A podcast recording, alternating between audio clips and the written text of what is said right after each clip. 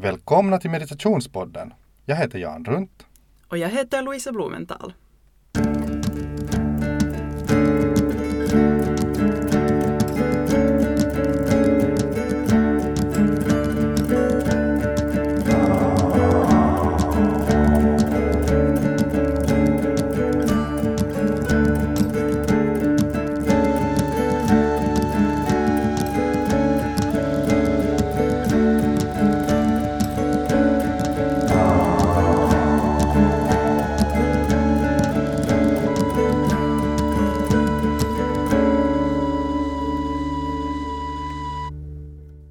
Hej och välkomna till dagens avsnitt av Meditationspodden.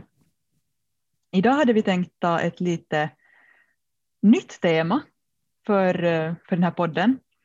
Vi tänkte att det kunde vara roligt att diskutera lite kring de böcker som vi har läst under våra liv som har påverkat oss, som har inspirerat oss. Um, böcker som kanske handlar om yoga och meditation så här konkret, men kanske också andra böcker som är snarlika eller som har, har ett innehåll som på sätt och vis tangerar andlighet eller um, utveckling av olika slag.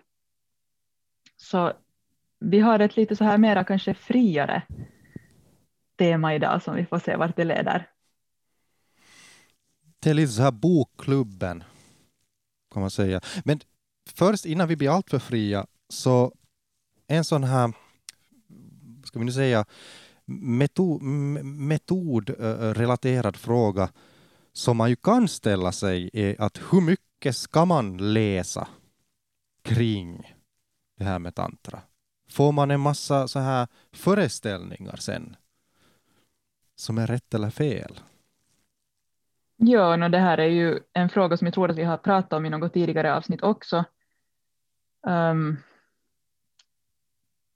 det finns litteratur av olika slag. Det finns både litteratur, tycker jag, som, som um, beskriver saker och det finns litteratur som fungerar mera som någon slags nyckel eller inspirationskälla framom att kanske vara sådana direkta liksom bokstavliga beskrivningar. Det här sättet tycker jag är ett sätt att beskriva skillnaden på böcker som behandlar yoga eller tantra.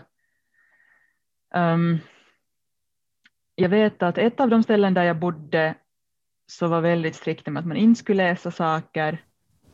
Och jag måste säga att, att på ett sätt så jag förstår det absolut och och jag hade en tendens själv att läsa massor och bilda mig en massa eh, förhandsuppfattningar om hur saker skulle vara, så på det sättet var det säkert bra att ta en paus från att läsa. Men inte tror jag heller att läsande per se alltid är en dålig sak. Det, det finns den här risken att man engagerar den sidan av lärande eller av sin hjärna som har just med det här um, analytiska Ehm, um, kritiska eventuellt sättet att tänka på saker och då tror jag att om man lär sig en metod till exempel enbart så så kanske det inte på sätt och vis blir lika mycket del av en själv som om man lär sig den muntligt och bara liksom genom att utöva den. Man kanske får en lite mer sån här utomstående roll till det man gör om man läser om saker men, men samtidigt så om litteraturen fungerar på det sättet att den inspirerar en till att göra eller till att på något sätt utveckla ens egna liv så då säger jag inte att det är en dålig sak. Vad tycker du? Ja, ja nej, jag, har, jag har på det viset, ska vi säga, också blivit tillsagd av min lärare i tiderna att läsa böcker. Det var då specifikt så här böcker som var, som var skrivna av min lärares lärare, som då var den som tekniskt sett var vår gemensamma guru. För att han var kanske inte en sån som direkt ställde sig upp och började föreläsa och, och hålla sån här teoritimmar eh, han kanske höll ganska enkla sådana, men han var mer sådär att här, läs. Så att jag har nog liksom, jag har nog, när det gäller just den teoretiska sidan av tantra, så jag har nog ganska mycket fått, fått sitta och, och, och helt så här pränta in och jag har funnit det väldigt intressant. Så att, så att eh, jag tänkte bara fråga det här eftersom jag kommer ihåg att du har nämnt det tidigare just att, att du har nog också varit i, i sådana skolor där det har funnits en, en så här viss skepsis eller, eller det inte har varit så uppmuntrat det här med, med lärande från böcker. Men jag särskilt, och det är väl kanske just det som jag tänkte att vi här skulle lite bjuda på och då ge så här tips om.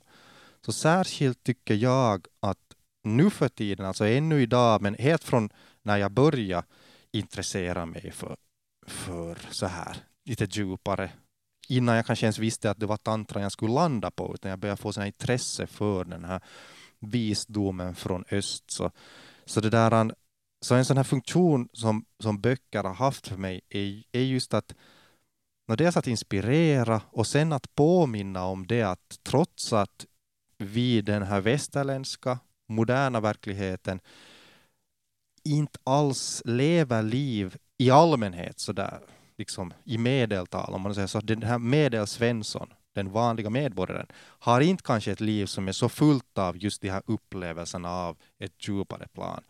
Så därför är det jättebra att få, få den här liksom lite pushen från de här böckerna, att, att den här påminnelse om att, att å andra sidan så finns det allt det här.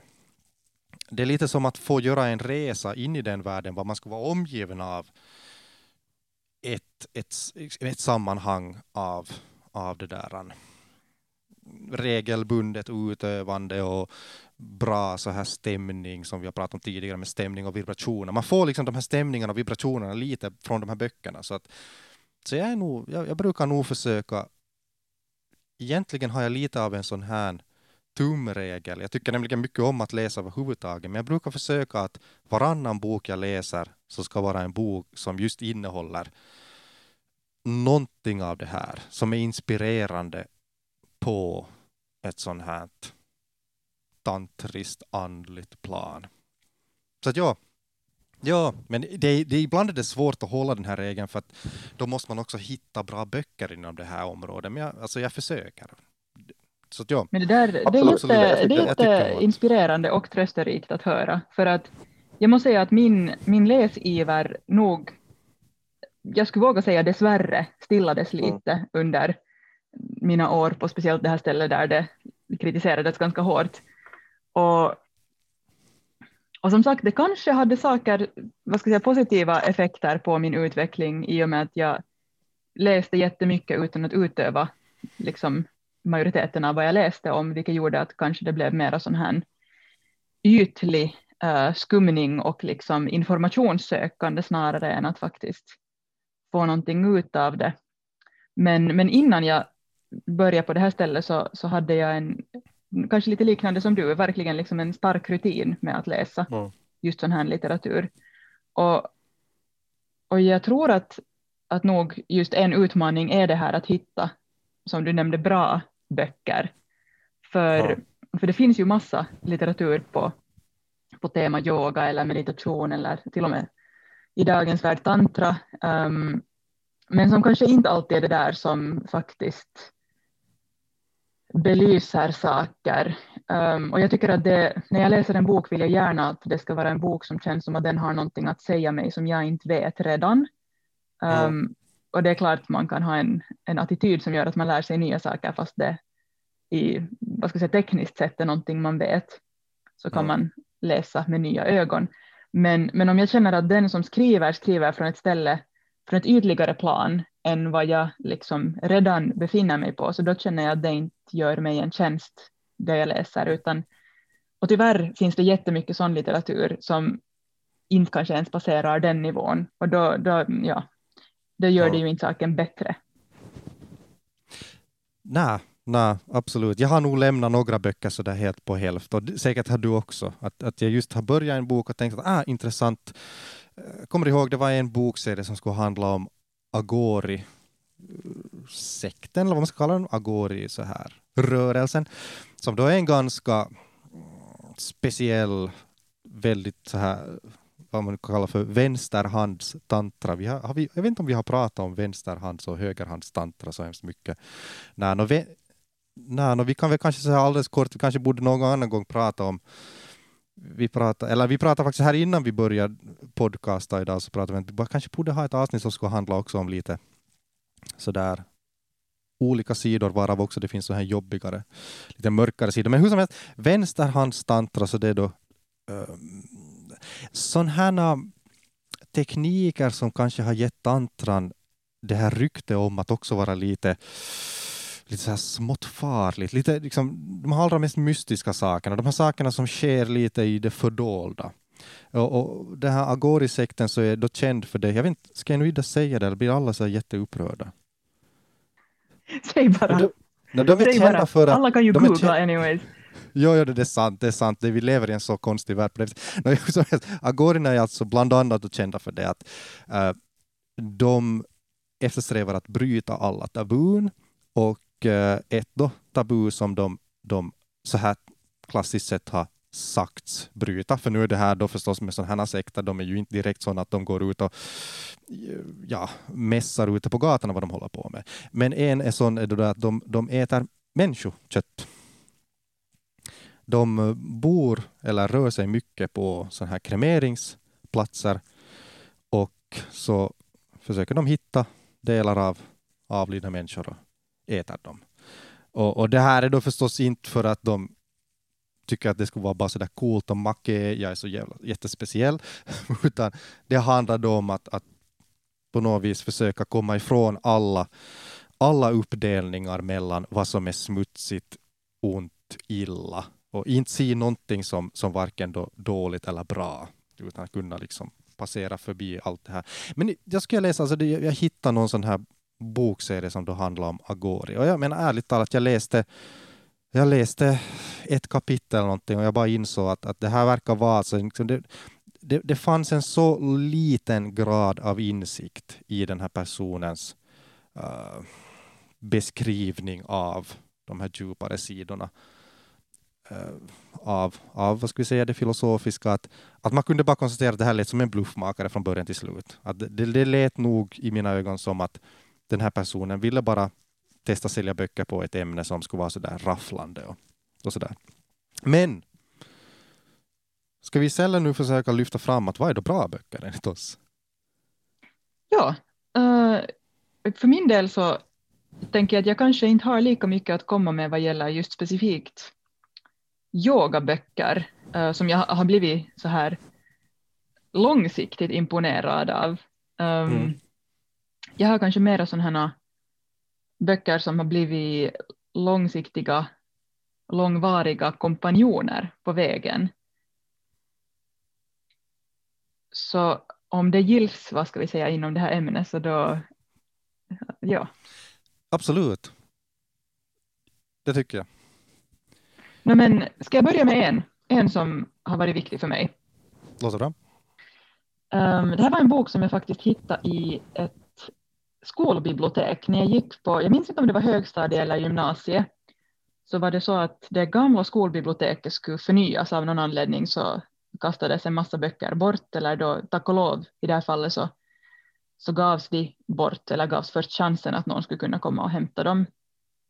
Och då råkade jag plocka på mig äh, Dag Hammarskjölds vägmärken. Är den bekant för dig? Nej, nu får du berätta.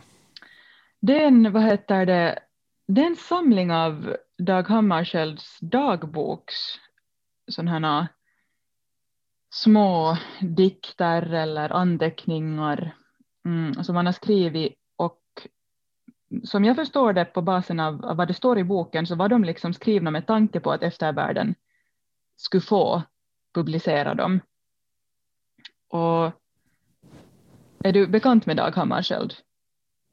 Alltså namnet låter så jättebekant, men nu får du fylla i. Jonna Dag Hammarskjöld var, var en, vad heter det, var en svensk diplomat. Det är väl kanske det han är mest känd för att vara. Han hade utbildning inom bland annat ekonomi och juridik. Um, mest känd tror jag att han har varit för att han faktiskt blev FNs generalsekreterare. Um, det var 50-talet. Och Mm. sen avled han i en olycka som väl det fanns teorier kring om det var en olycka eller om det var en, ett arrangerat um, mord. Men, men liksom Mm. förutom de här politiska sakerna han var aktiv i så, så hade han ett sånt här jätteintensivt, verkar det som på basen av hans dagböcker, andligt sökande. Och, och det där liksom, den nakenhet och ärlighet han försöker skriva med, jag menar det är ju en dagbok så, så man kan förvänta sig att det är väldigt så här öppet, men samtidigt som han, han ämnade att det skulle bli publicerat, eller fick bli publicerat efter hans död, så är det ganska modigt ändå tycker jag. Men jag minns att det var, det var en bok som i alla fall för mig belyste olika saker på ett sätt som jag inte hade på något sätt förstått tidigare. Och det var alltså då innan jag ens specifikt var inne i själva yogatraditionen. Det har alltså inte med yoga som så att göra, men är bara ett sånt här väldigt Ja, jag skulle säga att han är en mystiker, absolut, och han har, han har nog rötter, tror jag, i det kristna tänkande ganska starkt kommer fram. Men, men mystiker och därför tror jag att det också drabbar mig väldigt mycket. Mm. Intressant, för när du sa Dag Hammarskjöld så jag tänkte hela tiden i huvudet på, vänta nu, det låter som någon sån här känd politiker eller tänkte, det kan ju inte vara det, men det visade sig att det var det faktiskt, det var den här kända statsmannen eller diplomaten. Precis, Diplomat. ja. Intressant. Okej.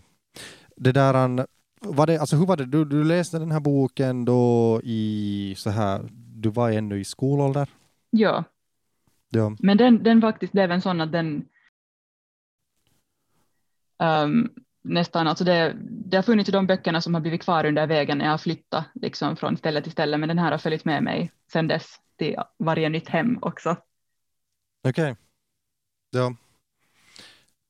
Och alltså, skulle du säga att när du läste den, fick det dig att, att på något sätt börja fundera själv mera på det här? Eller var det någonting som du redan hade på gång? Vad Hade du liknande så här frågor eller tankar på gång själv då? Eller?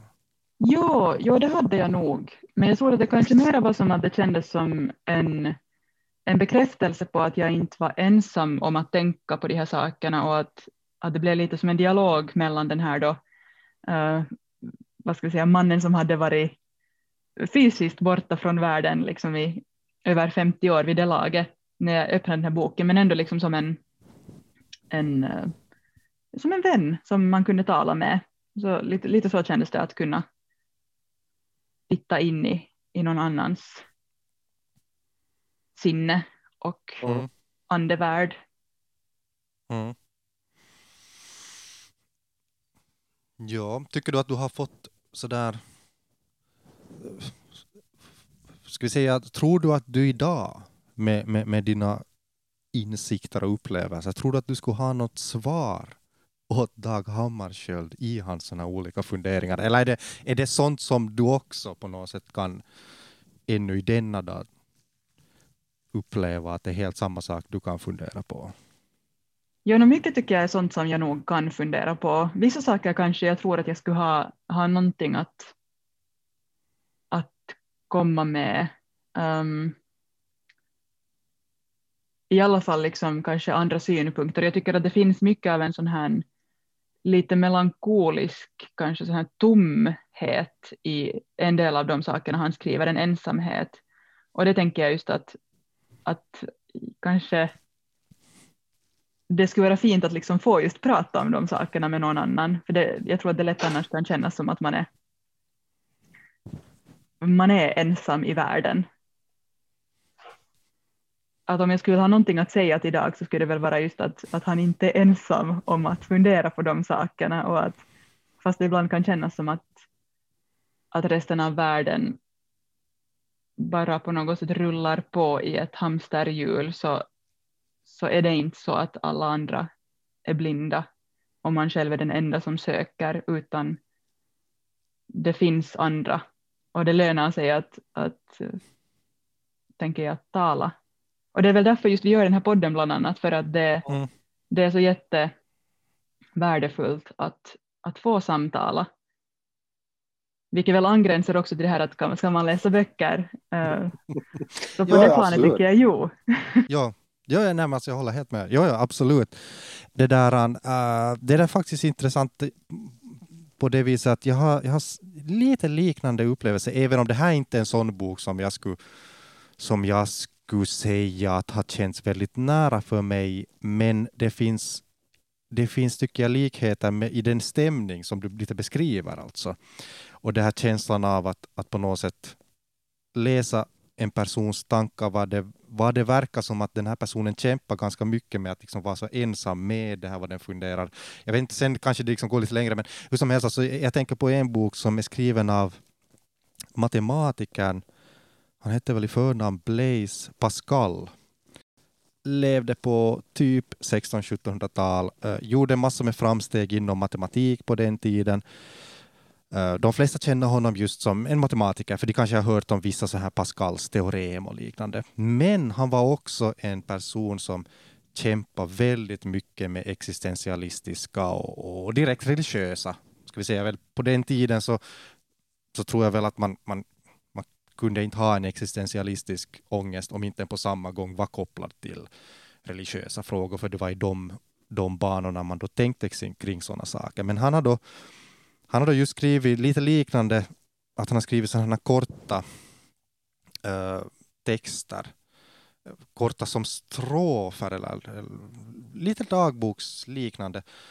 Och det här var en bok som jag bara råkade komma över. Jag tror att det fanns i min föräldrars bokhylla och det var nog inte deras bok utan det var antagligen från någon ännu äldre släkting som hade då tyckt det här var intressant. Jag, jag vet att min farfars far var eh, en person som också just grubblar lite över sådana här religiösa frågor. Så jag kan tänka mig att det kanske var från honom. Mm, där fanns också ganska mycket just sån här på något vis ganska Nå, ska vi säga som så, där fanns en hel del verklig så här ångest. Att det kändes att han verkligen kämpar med den här frågan om att vad är egentligen hans existens? Eh, vad är meningen med hans existens? Och, och, och liknande. Och det var ganska fascinerande att se en person som, som jag då hade träffat via ungefär skolmatematiken och skol, kanske fysiken.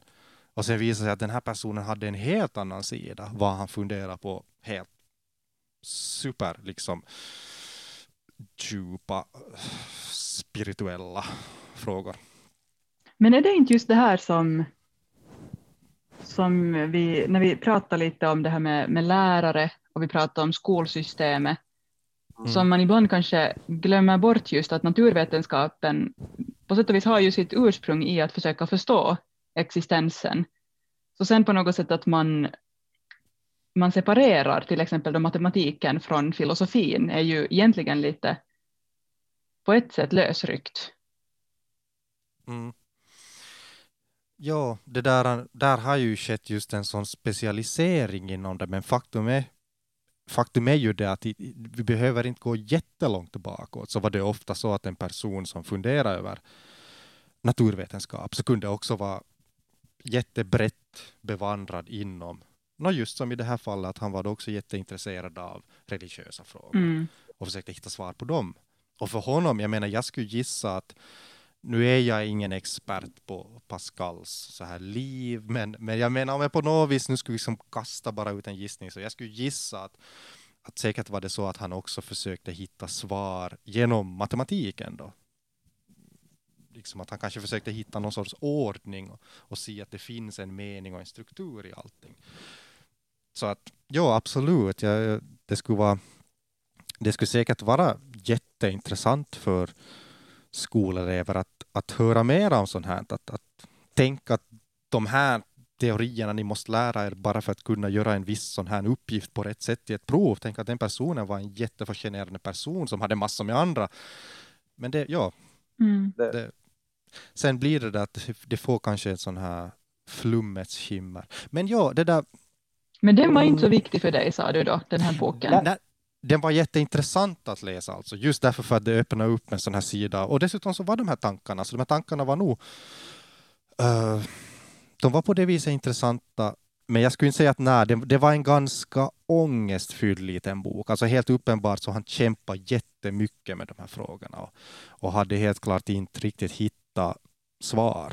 Så att det var inte på det viset en sån här ge, som ger kraft och inspiration, det kan jag inte säga. Det var bara liksom, det var lite intressant på det viset. Men ja, när du nämnde någonting som så här gick längre tillbaka i ditt liv och det var innan du hade då riktat in dig på yoga och sånt. Så nu funder, jag börjar också fundera, ja men vad är liksom sådär, att om jag går riktigt till rötterna av, av litteratur som har gett en liten så här första bild av att wow, det finns en sån här värld som öppnar upp till ett tänkande som, som då, och för din del så var det ju just att det, liksom, det lite så här speglar någonting som du också hade i dig. Och jag menar, för min del så, om vi går riktigt till det här tidigaste som nu var riktigt uh, på något sätt ögonöppnande. Så jag tror att, att, att no det för min del så var det då faktiskt inte böcker. För min del så var det, det var sångtexter, alltså det var låttexter.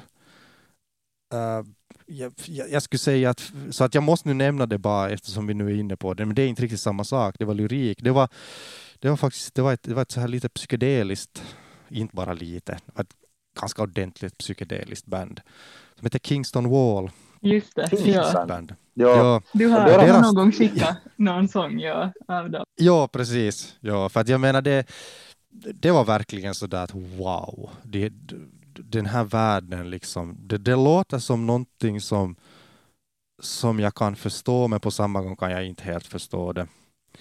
Eh, så det var nog liksom, och jag hade precis som med, med den här Dag Hammarskjöld-boken, så för min del är Idag kanske det är så att det har blivit så naivt, alltså på något sätt ändå, att nu var det så att det var alltså så att sång, sångskrivaren Petri Valli, eh, som då må vila i frid eftersom han då tyvärr han tyvärr dog i samband med att han var, var det där, han upplevde en, en en ångestattack.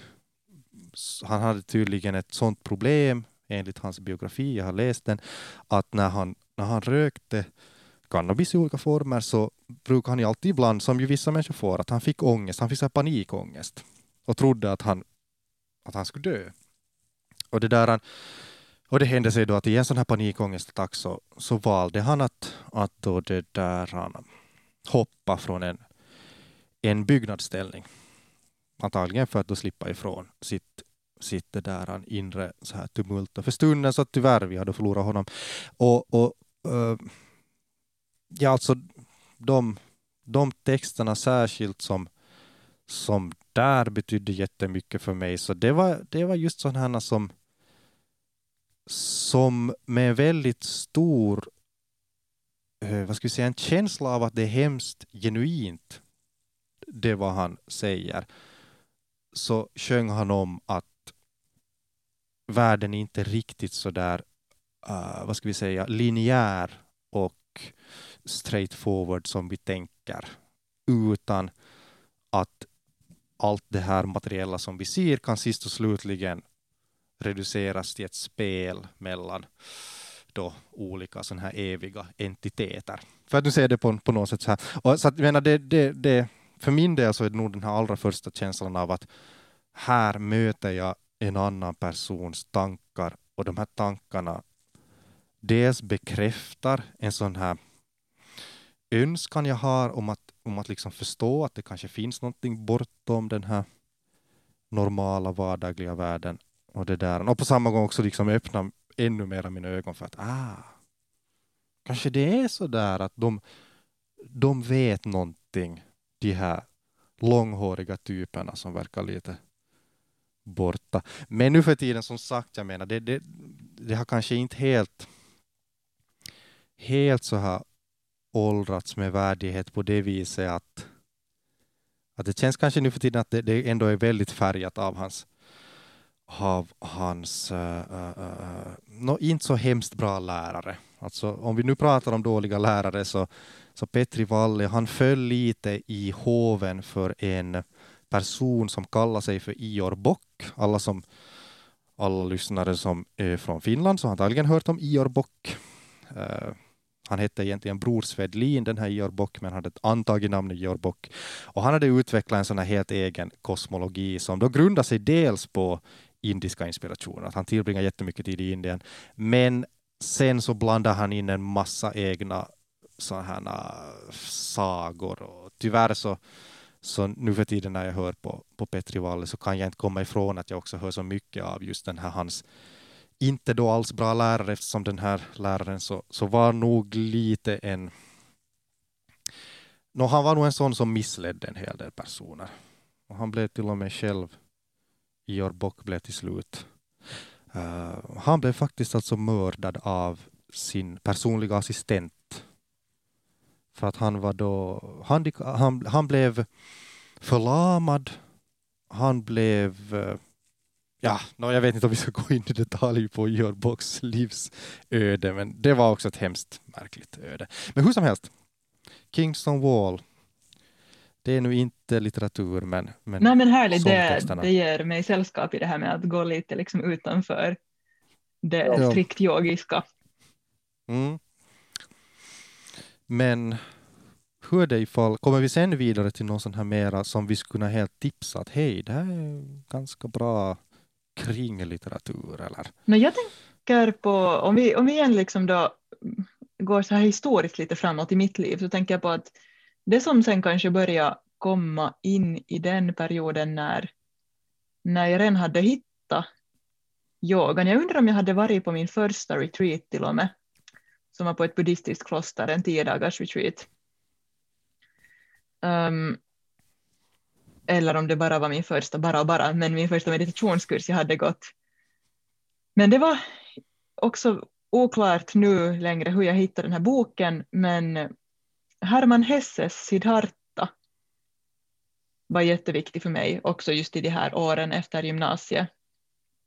Mm. Eller om det till och med var under gymnasiet ännu som jag läste den, det är också lite så här, de åren flyter ihop. Har, har du själv läst den? Nej, och det där, jag har hört om den och det är nog en sån bok som jag säkert borde läsa för att den är så klassiker. Ja. ja. Mm. Men berätta lite mer alltså. Ja, ja, för den som inte har läst den så, som namnet säkert antyder för den som är insatt i, i lite så här religionshistoria, så, så berättar då Herman Hesse historien om, om hur Siddhartha, alltså då um, kungasonen, Siddhartha går från att vara uppvuxen i det här överflödet och eh, vad ska man säga, sinnligheten till att söka någonting som är bestående när han som ung man blir konfronterad med, med sjukdom och, och åldrande och, och liksom helt enkelt mänsklig, mänskligt lidande så börjar han ifrågasätta verklighetens väv. Och, och så ger han sig ut och då får man följa honom alltså i, i liksom de olika faserna när han går igenom, han bor med asketer och han, han träffar en, gissar jag, tantrisk kvinna eller någon som kanske då, vad ska vi säga, gränsar till det. Och, och helt enkelt lär sig under vägen olika lärdomar och sen har boken ett väldigt vackert slut som jag inte ska spoila, som det heter på svenska. Um, men helt enkelt då hur, hur han blir buddhan, om man säger så. Och det är ju, det är ju klart att det här är inte en historisk, vad ska vi säga, beskrivning um, så här rakt av.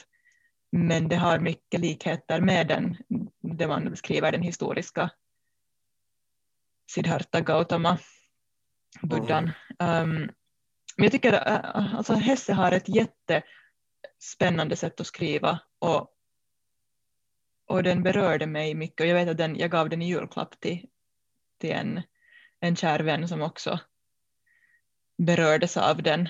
Och ja, det, den tycker jag nog är så pass liksom ändå så här yogisk relaterad att man kan räkna in den till, till inspirerande läsning. Mm. Och andra nog också av Herman Hesses böcker, men, men kanske den här, den här som en första. Mm. mm. Ja, jag kommer här att göra en liten sån här, vad skulle ni säga, detour omväg. För att istället för att nu nämna då sen någon sån här första vettigt boktips som, som det där, som jag skulle komma på sen nu min, min liksom så här litterära historia. Så jag kommer att tänka bara från Hermann Hesse kommer jag att tänka på en annan tysk som heter Ernst Jünger. Nå faktiskt, ja, och jag menar, jag vet inte, inte vet jag om man kan tipsa det här, men om det här, det är kanske lite sådär att man är lite kontroversiell om man kan säga på det sättet. Men det här faktiskt, alltså det är nog, no, det hänger nog ihop med en så här tidig litterär historia, nämligen Ernst Jünger. Han var då en tysk som eh, skrev, jag tror att hans första stora bok var väl nog hans hans självbiografi från hans upplevelser under första världskriget som en soldat vid fronten i första världskriget. Och den här boken heter I stålstormen. Och det är, en, det är helt enkelt, det, man kan säga att det är en hemsk liten bok. Eh, på det viset att den alltså beskriver då hans liv i första världskriget. Det som gör den intressant är det att eh, Ernst Jünger blev senare jätteintresserad av frågan om medvetandets olika plan och, och, och, frågan om att liksom eh, medvetande som ett kontinuum mellan det vad vi upplever i den fysiska världen och någonting djupare. Eh, och, och, det kommer fram alltså i den här boken när han har, alltså han blir, han blir nämligen flera gånger sårad i, i då första världskriget. Och det är särskilt en gång, jag hade läst den här boken av den orsaken att jag kände till honom från förr och jag ska berätta hur jag känner till honom.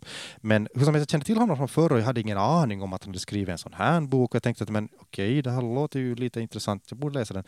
Ehm, men det som alltså var intressant att, att han beskriver där en gång där han blir väldigt allvarligt sårad, alltså han träffas av, av en kula. Och det där han och beskriver hur hans medvetande upplöses medan han ligger då på en lands, alltså en, en, en så här liten landsväg någonstans ute på den franska landsbygden. Och det där i princip då i stor, stor så här risk att, att dö eftersom han har blivit allvarligt skadad. Men det där men det intressanta är just det här att han beskriver i detalj hur det kändes och hur euforiskt det kändes när hans medvetande började dra sig bort från den fysiska världen.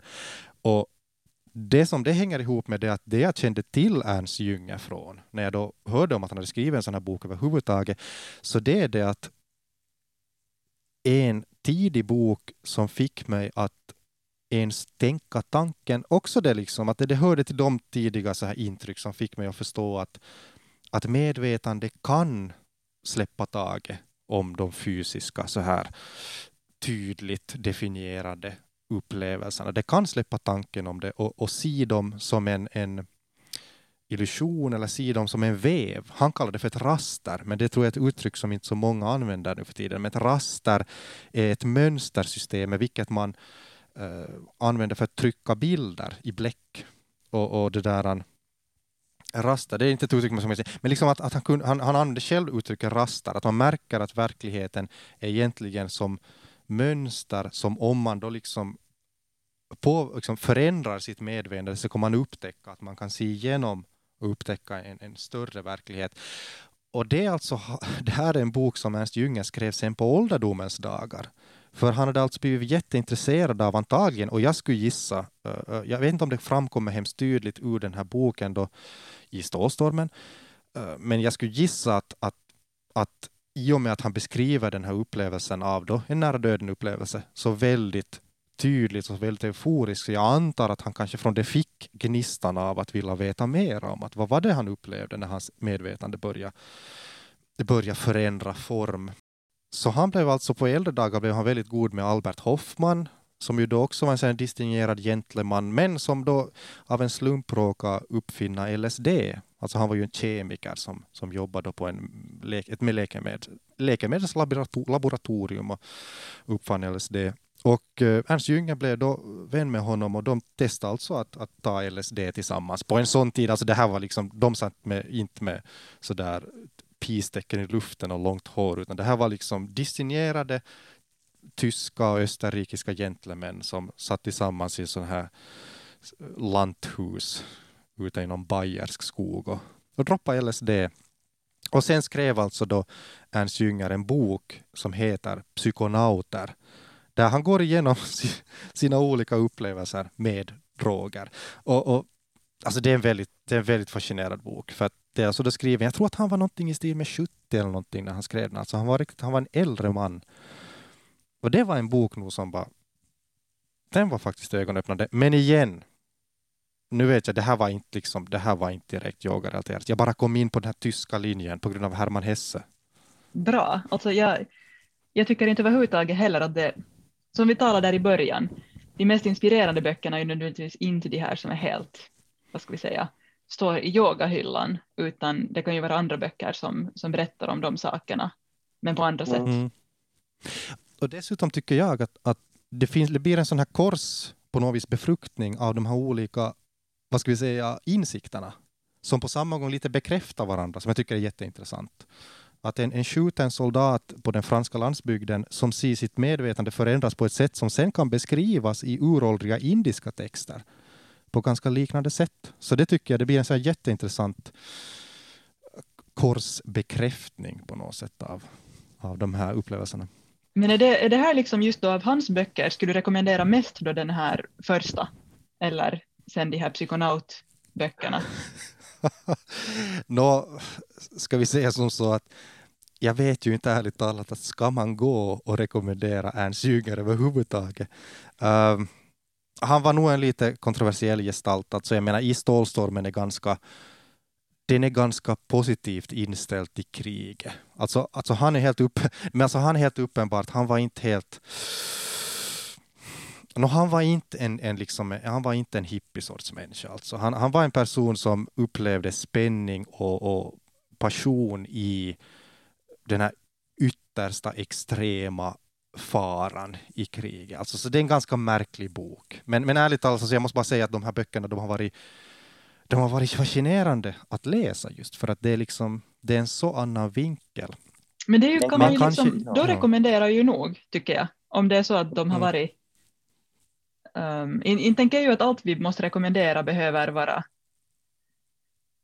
hur ska jag säga, enkelt eller liksom så här uh, ensidigt bra eller, menar vad är ens, vad, vad är ens det, vad, vad skulle kunna liksom passera en sån no, kontroll? Bra Då kan jag säga, att vad jag tycker är så här ensidigt bra, autobiography of a yogi.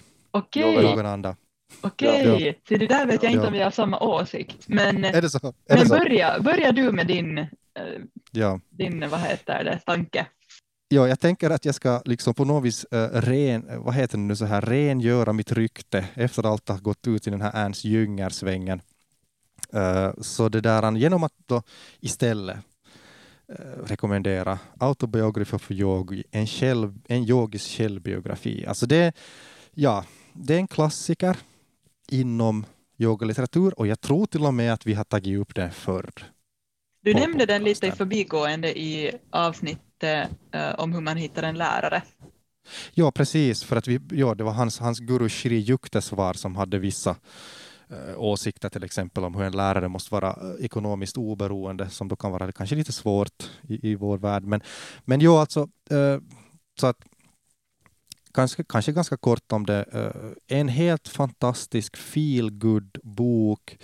En, en, det där, en, yogi, Paramahansa Yogananda, född på 1800-talet skulle jag säga.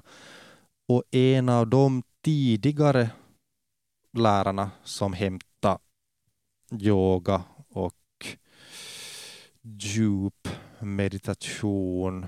Du kanske kan säga mera om vilken linje han skulle höra till och hur man skulle borde klassificera honom. Du kanske har en åsikt om det? Kriya-yoga? Kriya-yoga, ja, men, men det är faktiskt inte samma kriya-yoga som jag har lärt mig, så jag vet inte riktigt hur man ska klassificera ja. honom. Nej, men hans lärare ja. Sri Yukteswar, det är så mycket vet jag om den mm. ja. linjen. Men liksom, ja, men ganska djup, djup det där uh, shit aktiv som man skulle säga. Uh, sysslar han med, och så skrev han då en, en bok var han inte, han sticker inte alls under stol med sådana här helt övernaturliga upplevelser, alltså av lärare som uppenbarar sig på olika ställen på samma gång och någon som materialiserar liksom ett, ett palats plötsligt ute i så här bergen var ingenting finns. Alltså jag menar, så det är ju så där att när man läser det, man måste lägga, man måste lägga åt sidan lite sitt så här eh, skeptiska västerländska tänkande. Och, och, man måste förstå att, att, liksom att det här är också en form av klassiskt sagoberättande, var saker inte alltid måste vara så här this is a chair, this is not a sofa. Utan det, det, liksom, saker och ting kan flyta lite mera.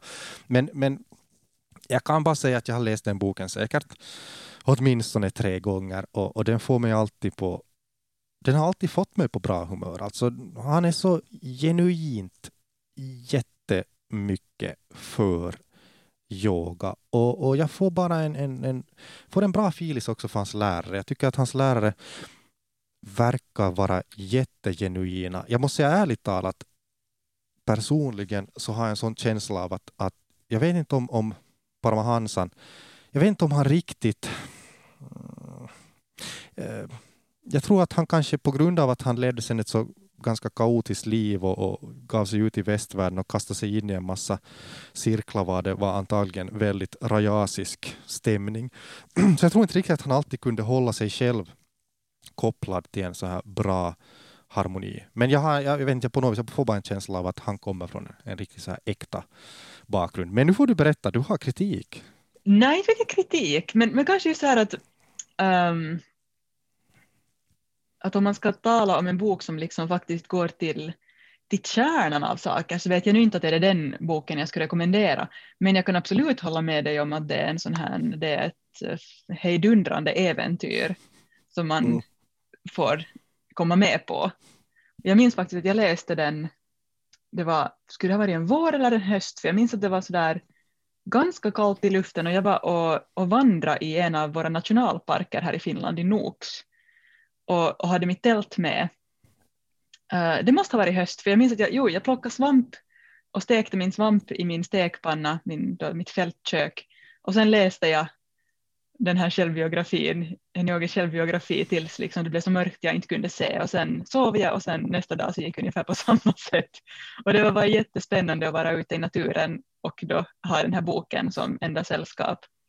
Så, och, och visst ger den ju en liksom om man är öppensinnad eller, eller om man ska säga, i alla fall då inte läser med ett kritiskt öga så ger den ju nog inspiration och tro på att liksom vad som helst är möjligt. Mm. Um, så, så inte ska jag väl kritisera det som så, men kanske så här att, att jag försöker väl att ta upp de böckerna som jag känner att har varit liksom på riktigt djupt berörande för mig.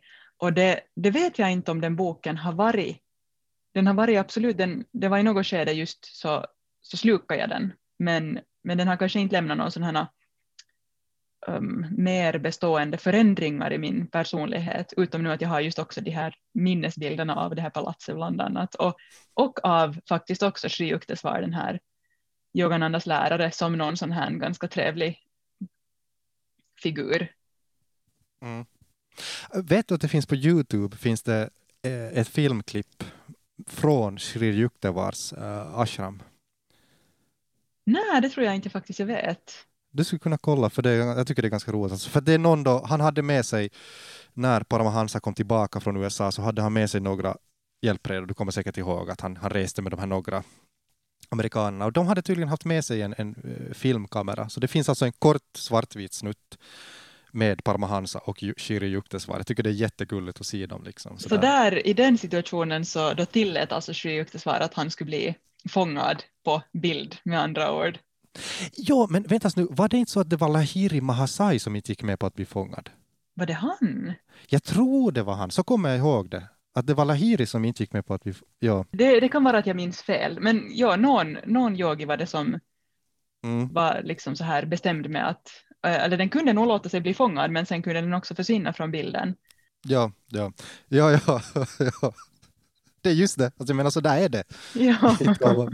ja, och jag menar jag kan, jag kan inte säga att jag, jag ärligt talat, jag, äh, alltså jag sväljer det med hull och hår. Jag tror allt det där har hänt som beskrivs i boken, men alltså det, det är faktiskt, det, det, det, det är riktigt så här det är sådana här övernaturliga grejer alltså. Men, men å andra sidan så tycker jag också bara att den här stämningen och no, den här känslan av att ja, det här är någonting mera än bara liksom nu, nu, nu, nu försöker vi lite så här avspänna liksom oss. Alltså det, det finns vissa rader där i den här boken som jag tycker Katz uh, som kär till kärnan för att nu inte bara kasta sådana här.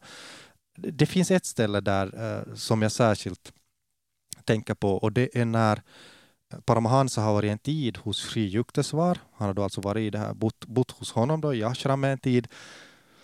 Och han, han har haft jättebra upplevelser.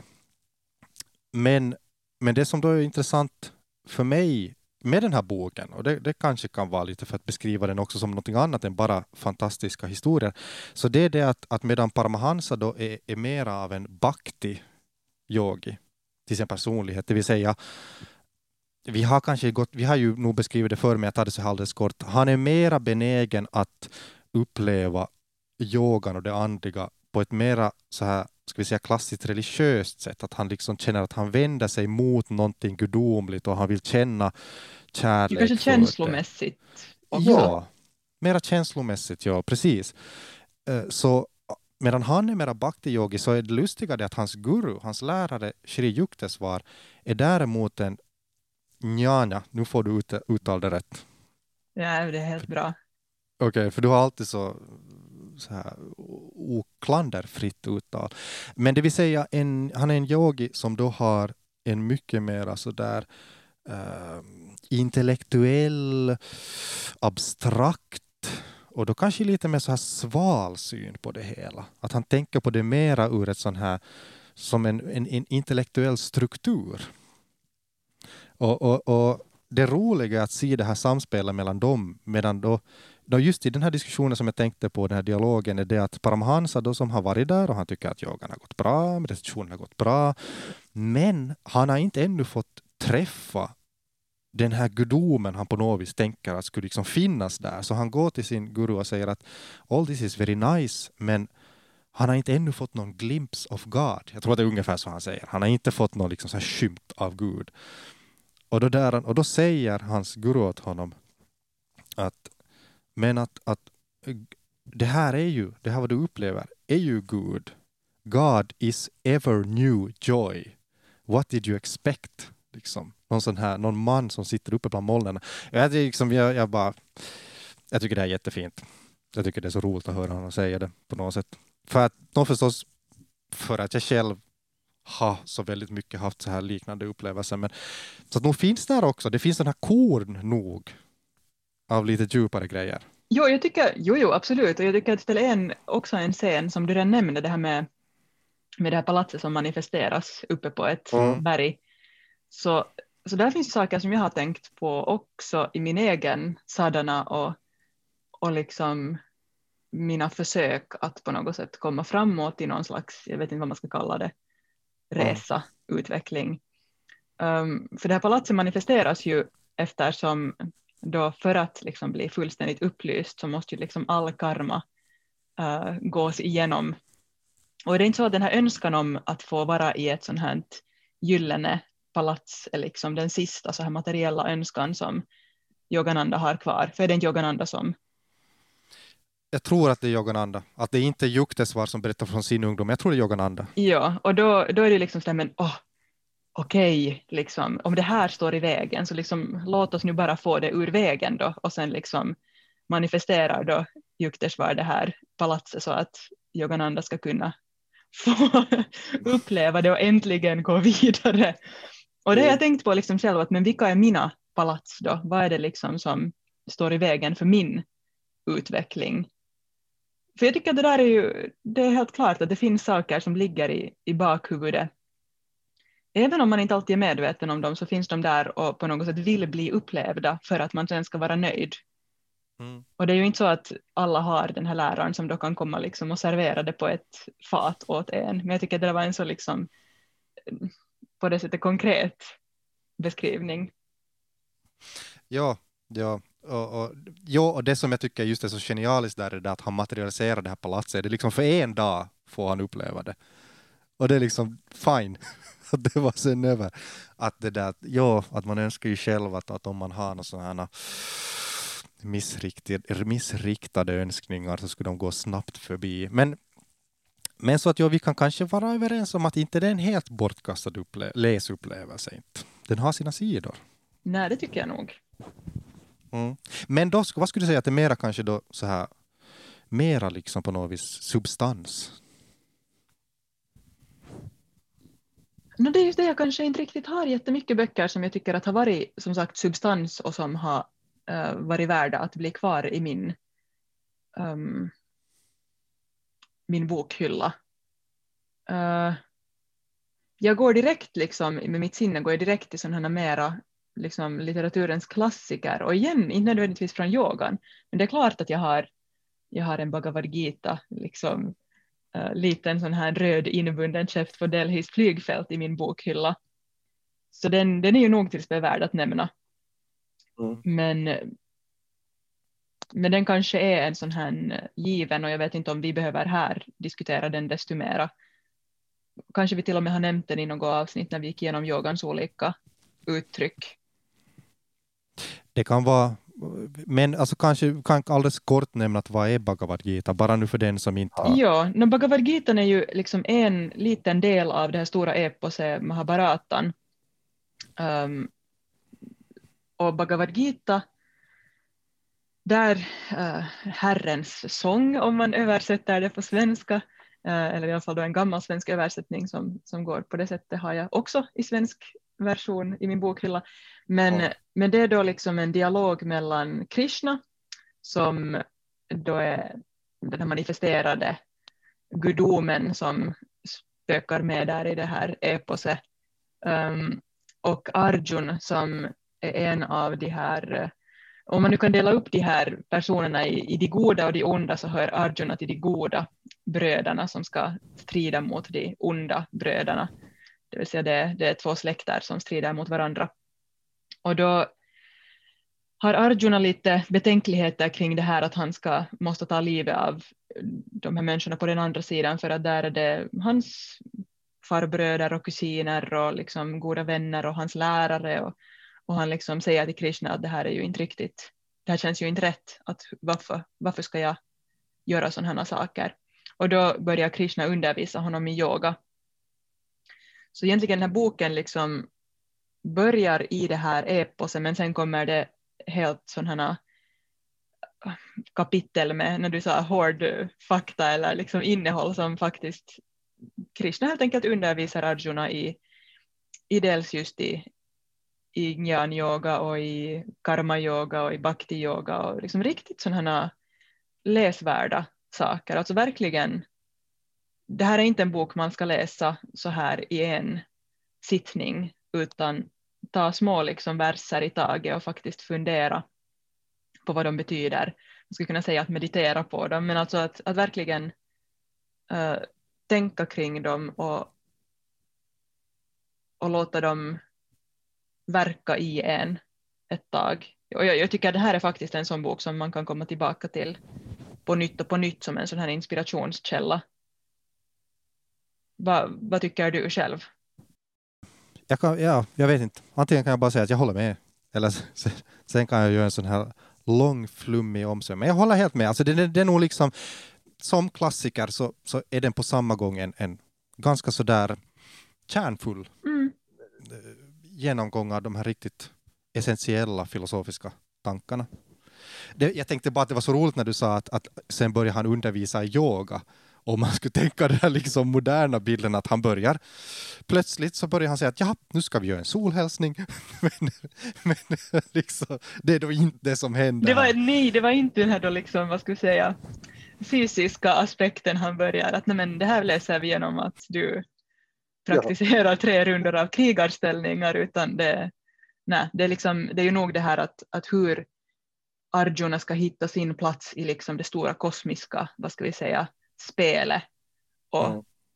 och genom det förstå varför han måste göra det han ska göra, vilket är att liksom gå in i striden och kämpa som den krigare han är född att vara. Men, men ja. det här liksom då genom en mycket lång omväg av filosofiska utläggningar. Ja.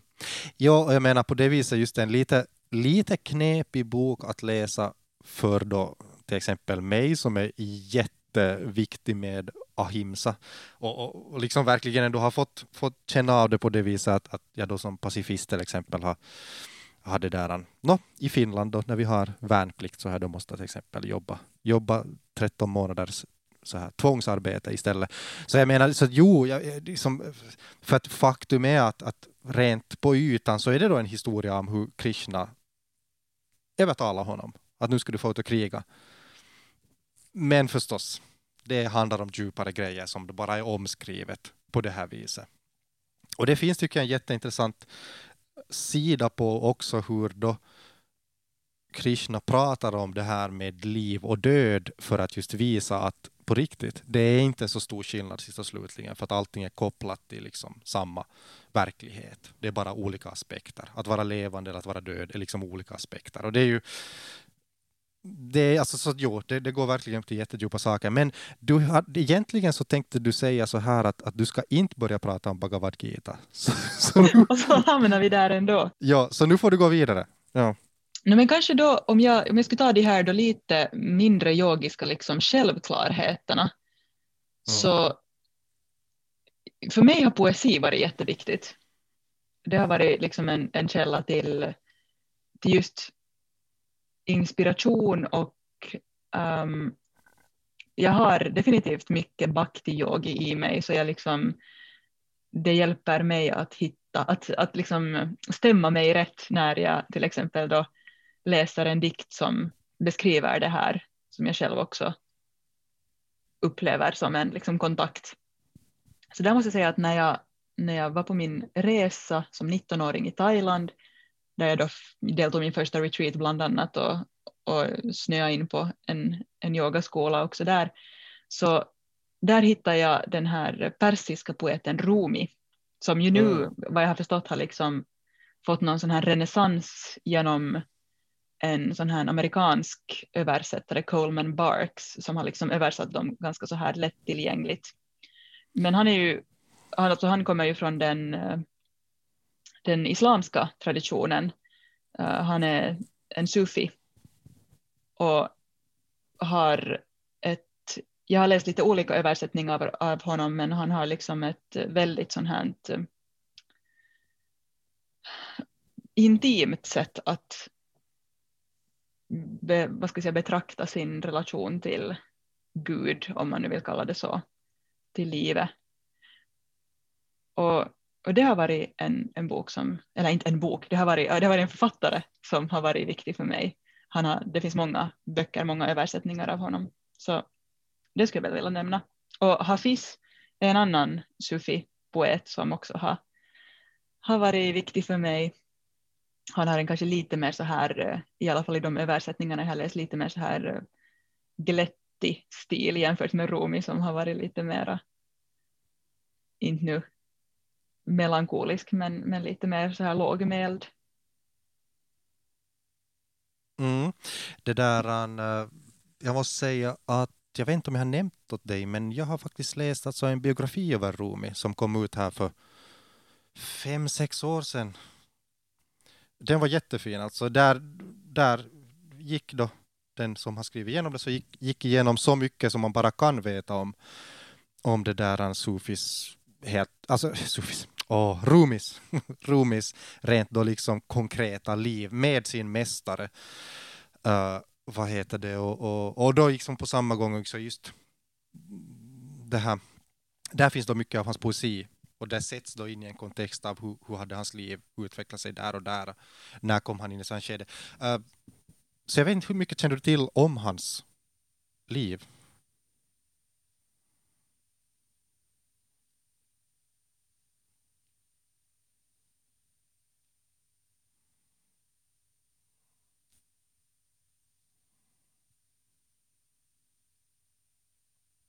Mm-hmm.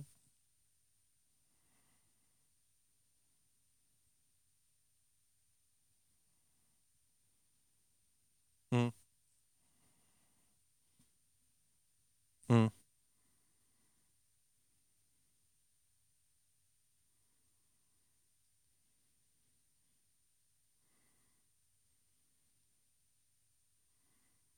mm. Nej men herregud alltså jag måste ju låna boken åt dig om du vill. För att jag menar den är faktiskt alltså, den är jätteintressant.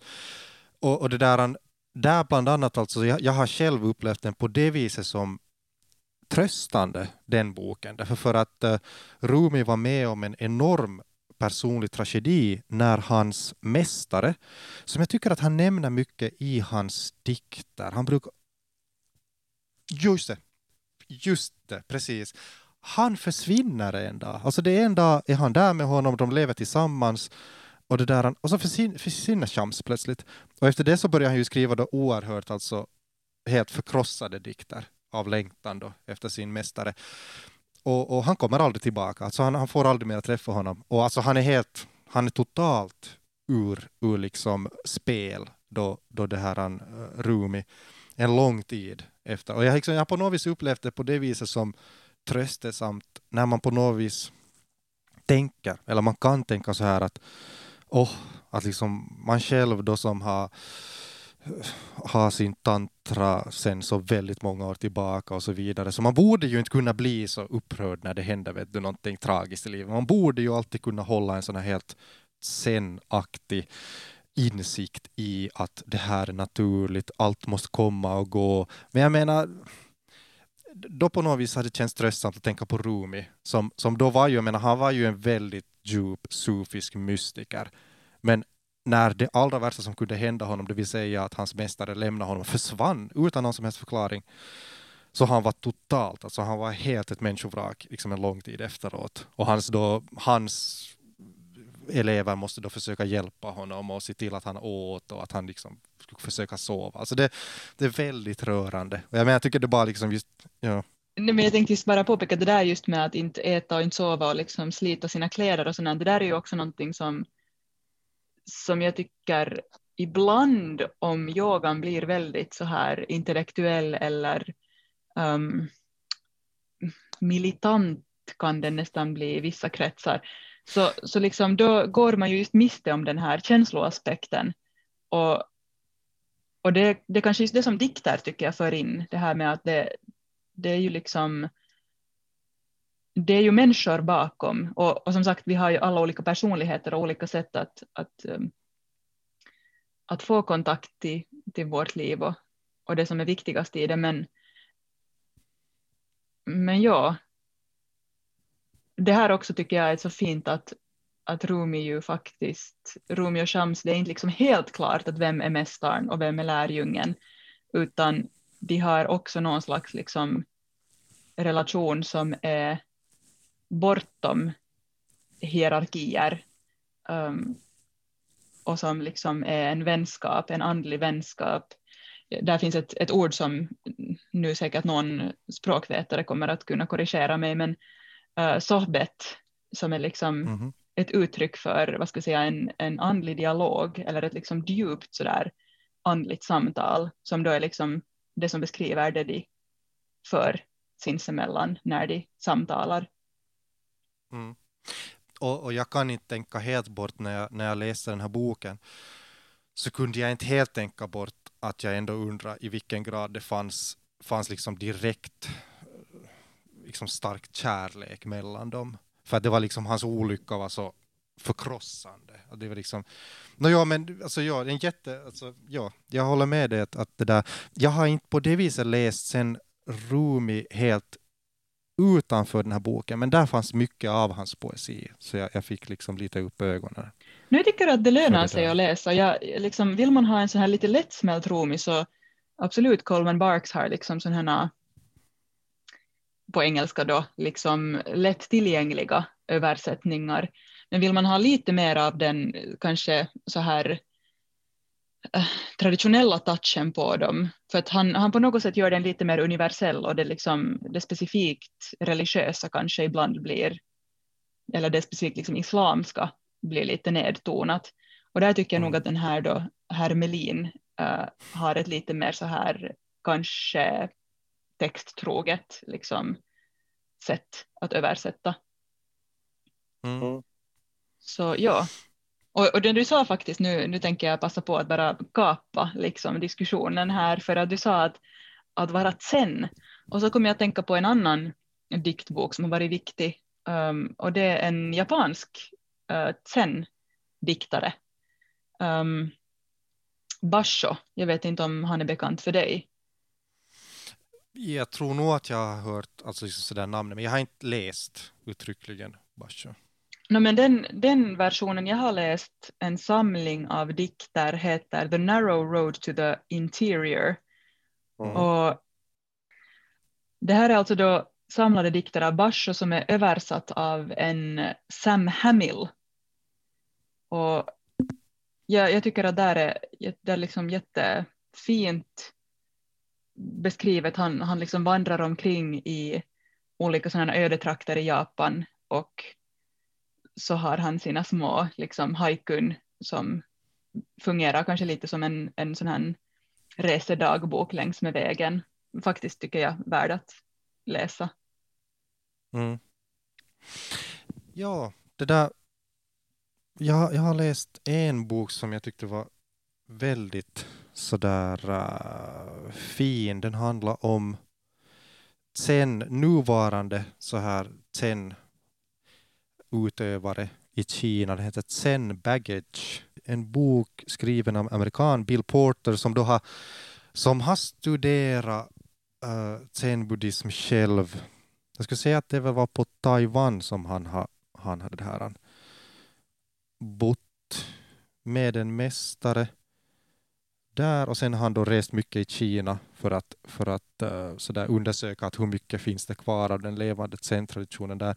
Och den är bara helt enkelt, den är just så här den är bara jätteinspirerande. Hans träffar med, med zen-munkar på olika håll. Han har också en annan bok som heter uh, Road to Heaven uh, Encounters with Chinese Hermits som är lite likadant. Han reser runt i Kina och träffar alltså människor som ännu lever då som riktigt klassiska eremiter uppe i bergen och så där. Och det är liksom det är bara så att man tänker att åh, det är så skönt att se att det finns den här världen ännu.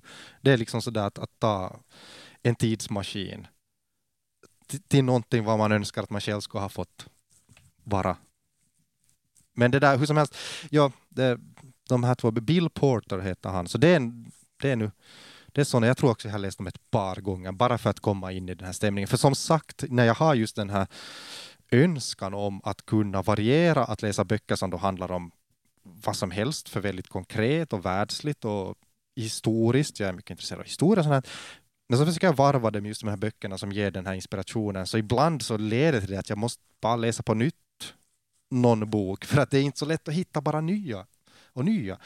Eh, men en bok som jag tänker att vi måste småningom börja avsluta för idag, för att vi, vi, vi har vissa tekniska begränsningar. Vi bandar ju då ännu in så här på distans och, och, det betyder att vi måste alltid hålla oss till en timme och 30 minuter när vi bandar, vilket kanske är helt bra. Det skulle kanske bli helt ohållbart annat. Men en bok alltså från det helt andra perspektivet för att vi har väl kanske förr också konstaterat åtminstone så här oss emellan att medan du har mera bakti i dig så jag har mera njana, jag önskar jag skulle kunna uttala det bara rätt. Eh, jag har alltid haft bara på något vis en mera så här abstrakt filosofisk syn på det här djupa hos yogan. Och en bok som är jättefilosofisk, teoretisk, nästan, no, den är egentligen vetenskaplig för att den, den, den har en enorm eh, så här källförteckning och, och liknande. Det är, som en, det är som en rent vetenskaplig text kan man nästan säga, faktabok åtminstone. Eh, men som jag tycker själv är jättebra. Eh, jag blev, jag blev helt överlycklig när jag föll över den här boken, för som sagt när jag, när jag studerade med min, med min lärare så då blev jag helt enkelt instruerad att läsa igenom böcker som då var skrivna av min guru, antagligen ganska mycket dikterade och sen nedskrivna. Och sen senare, många år senare, när jag inte längre då för att det här skulle vi ju då kanske diskutera mera sen i något annat avsnitt. Eller så vi, vi har nog säkert berättat om det också tidigare. Men hur som helst så vägarna, liksom, vi gick skilda vägar. Jag och, jag och mina lärare, den, den organisation de hörde till, så vi gick skilda vägar.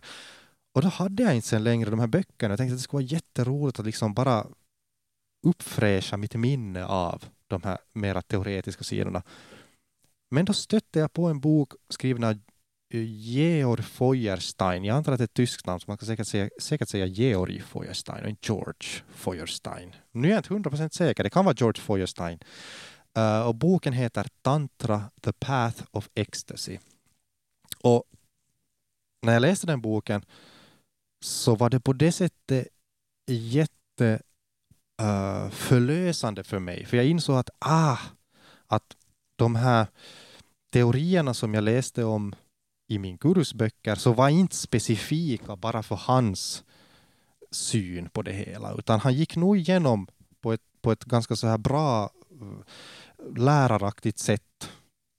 Förstås, jag menar det finns ju skolor olika skolor och alla har nu inte med alla detaljer och vissa varierar mellan olika. Men det var ändå skönt att se att ah, okej, okay, men det här är att om, när någon som har en så här då ganska vetenskaplig syn och har gått igenom flera olika skolor och läst igenom många olika klassiska texter och, och så vidare. Så det är en helhetsbild som den skapar av de här olika teoretiska sidorna. Så det blir ganska liknande från det jag hade lärt mig. Och den är, jag tycker att den är jättebra. Den är ganska så här läroboks aktig. Alltså avancerade grejer är det att, att om man läser den utan, all, utan att aldrig själv ha utövat någonting så det är nog ganska så att det swishar någonstans ovanför huvudet och man kanske bara kan tänka att jaha, no, men det var... Men, men det är alltså, jag skulle säga att på ett, på ett så här teoriplan så det är nog, det är nog liksom, det är bra fakta. Det tycker jag. Så jag minns att det var, den, det var den första boken du rekommenderade åt mig när jag frågade dig vad, ja. vad för bok du tycker man ska läsa om och tantra. Föga anar jag, ja, föga anar jag hur fel gjord liksom föll. Den är så här supertorr. Jag hoppas att han är tysk för det skulle passa in så här väldigt metodiskt. Vi går igenom den shaivismen Nej men det är klart, jag, jag slukar ju den. Alltså, jag minns att jag satt, det var sommar och jag satt på bastutrappan, vad heter det, och läste läste den här boken, just det här sträckläste utan att förstå hälften av vad som stod där, men spännande var det ju. Ja, och han är ju nog på det viset, alltså på det viset, han har ju nog en egen uh, så här passion för ämnet och det tycker jag märks. Fastän den är jätte så här teoretisk så han är nog liksom helt klart personligt engagerad i. Han tycker att det är jätteintressant och antagligen så är han, jag skulle gissa att han är någon form av utövare. Jag vet inte bara i vilken, vilken tradition, men, men jag tycker att man märker det på hur han ändå, jag tycker att han förstår sig på sitt ämne på ett sätt som, som visar det. Men alltså jag, jag tycker ju att jag känner att jag bara håller på att komma igång här. Um, mm. Jag tycker lite det skulle vara synd att inte nämna alla de böcker som jag fortfarande inte har nämnt nu i det här avsnittet, så vi kanske bara borde tänka att vi avslutar för idag och sen får vi återkomma i något senare skede med en del två. Jag håller helt med, för jag har också så här i bakhuvudet, ah, det skulle vara så kul att prata om. Så vi fortsätter en annan gång med det här, boktips. Ja, exakt. och kanske, ja. jag menar, varför inte inkludera musik och film när du nu en gång fick med mm, Kingston mm. Wall och, och liksom, det finns ju faktiskt alla möjliga spännande och faktiskt kärnfyllda saker i olika jag medier. Jepp, jag håller med, håller med. Ja, men ska vi då säga som så att vi måste dra, dra liksom så här gränsen för dagens avsnitt någonstans. Och då kanske vi gör det här idag. Ja, när vi nu en gång avslutar på en sån här tantrisk eh, not så tycker jag att vi kan sluta nöjda Ja, absolut, absolut. Men tack för det här, det var roligt. Ja, tack. Vi återkommer.